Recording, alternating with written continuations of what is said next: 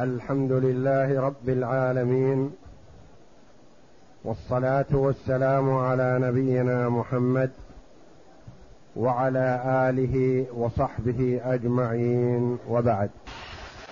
من غد الأحد نبدأ إن شاء الله في كتاب المناسك من بلوغ المرام.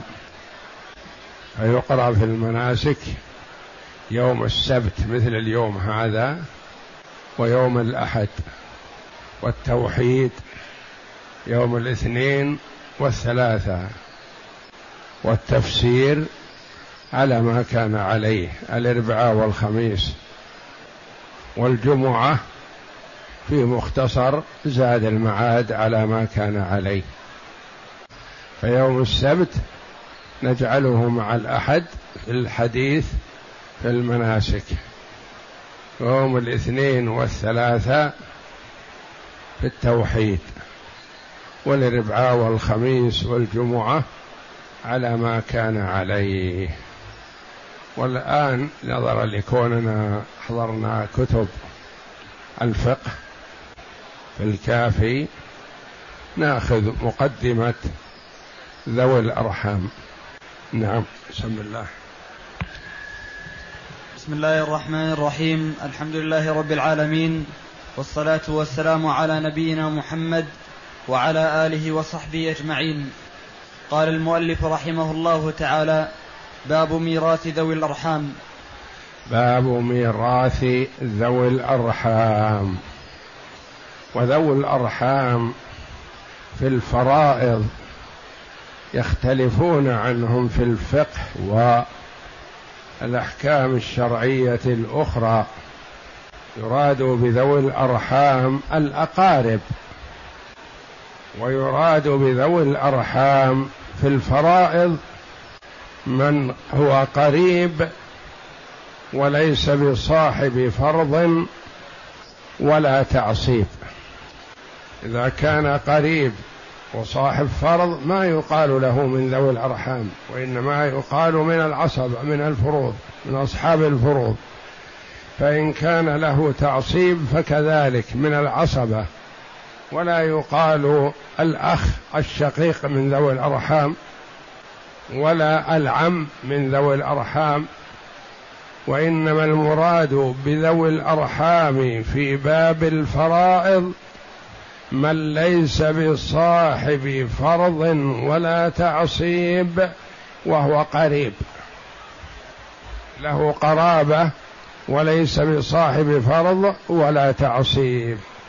كأب الأم والخال والعم لأم وأبناء وبنات البنات وأبناء وبنات بنات الإبن وهكذا كل قريب سواء كان من الأصول كأب الأم وآباء الأمهات والجدات أو من الفروع كأبناء وبنات البنات وأبناء وبنات بنات الإبن أو من الحواشي كبنات الإخوة وبنات الأعمام والعم لأم ونحوهم.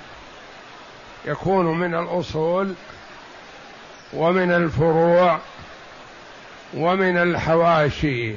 من هو قريب وليس بصاحب فرض ولا صاحب تعصيب.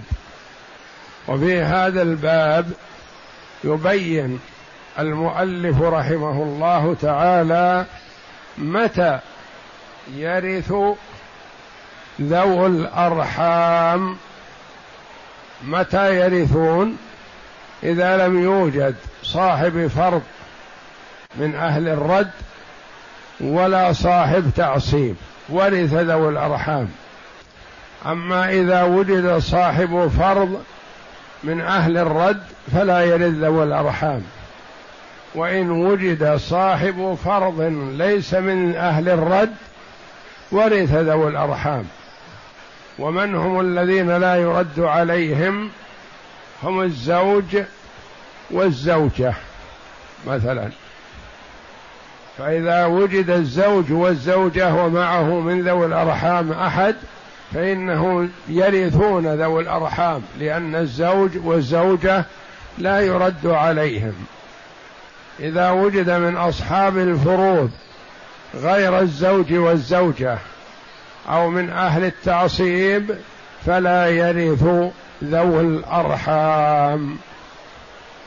وقد ذكرناهم ويرثون إذا لم يكن عصبة ولا ذو فرض من أهل الرد لقول الله تعالى متى يرثون؟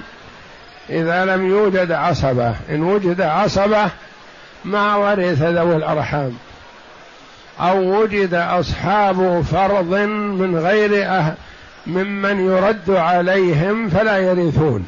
أما إذا وجد صاحب فرض من غير أهل الرد فإن ذوي الأرحام يرثون.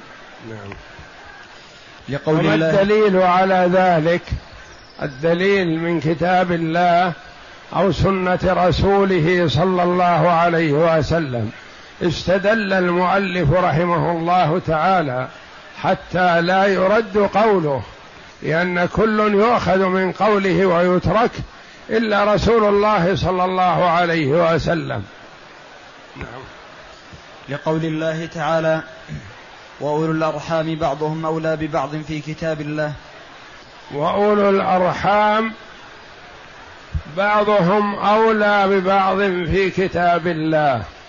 هذه جزء من آية وردت في سورة الأنفال وفي إيه وردت في سورة الأحزاب.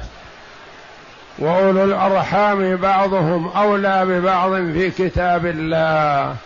يعني أن ذوي الرحم إذا لم يوجد صاحب فرض ولا تعصيب فلا يدخل ماله في بيت المال ويترك خاله أو ابن أخته ونحو ذلك. نعم. وقد روي عن عمر أن رسول الله صلى الله عليه وسلم قال الخال وارث من لا وارث له. هذا دليل من السنة. الآية من كتاب الله تبارك وتعالى. والدليل من السنة قوله صلى الله عليه وسلم الخال وارث من لا وارث له. انتبه. الحديث واضح وصريح. الخال وارث. ولم يقل صلى الله عليه وسلم وارث فقط وسكت. وإنما قال وارث لمن لا وارث له. إذا لم يوجد معصب ولا يوجد صاحب فرض فحينئذ الخال يرث. هذا حديث حسن. قال الترمذي رحمه الله هذا حديث حسن يعني يستدل به ويعتمد عليه. نعم. وروى أبو عبيد بإسناده أن ثابت بن الدحداح مات ولم يخلف إلا ابنة أخ له فقضى النبي صلى الله عليه وسلم بميراثه لابنة أخيه وقسنا سائرهم على هذين. دليل آخر من السنة ما جاء ورواه أبو عبيد بإسناده أن ثابت بن الدحداح ثابت ابن الدحداح صحابي مات ولم يخلف إلا ابنة أخ له. خلف بنت أخ بنت الأخ ليست صاحبة فرض ولا صاحبة تعصيب. لكن ما وجد أقرب منها فقضى النبي صلى الله عليه وسلم بميراثه لابنة أخيه يعني المتوفى عم هذه المرأة وهي تكون بنت أخيه وهي ليست من العصبة ولا من أصحاب الفروض لكن ما وجد أولى منها فأعطاها النبي صلى الله عليه وسلم ميراث عمها. يقول المؤلف رحمه الله تعالى وقسنا سائرهم على هذين على الخال وعلى ابنة الأخ. الخال ليس بصاحب فرض ولا تعصيب. لما لم يوجد سواه قال عليه الصلاة والسلام الخال وارث من لا وارث له. ابنة الأخ ليست صاحبة فرض ولا تعصيب لكن ما وجد أقرب منها فأعطاها النبي صلى الله عليه وسلم.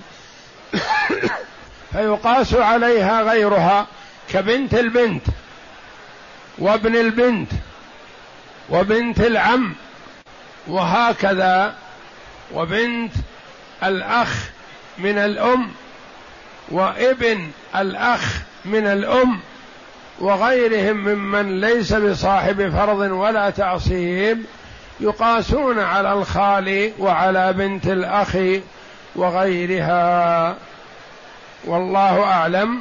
وصلى الله وسلم وبارك على عبده ورسول نبينا محمد وعلى آله وصحبه أجمعين.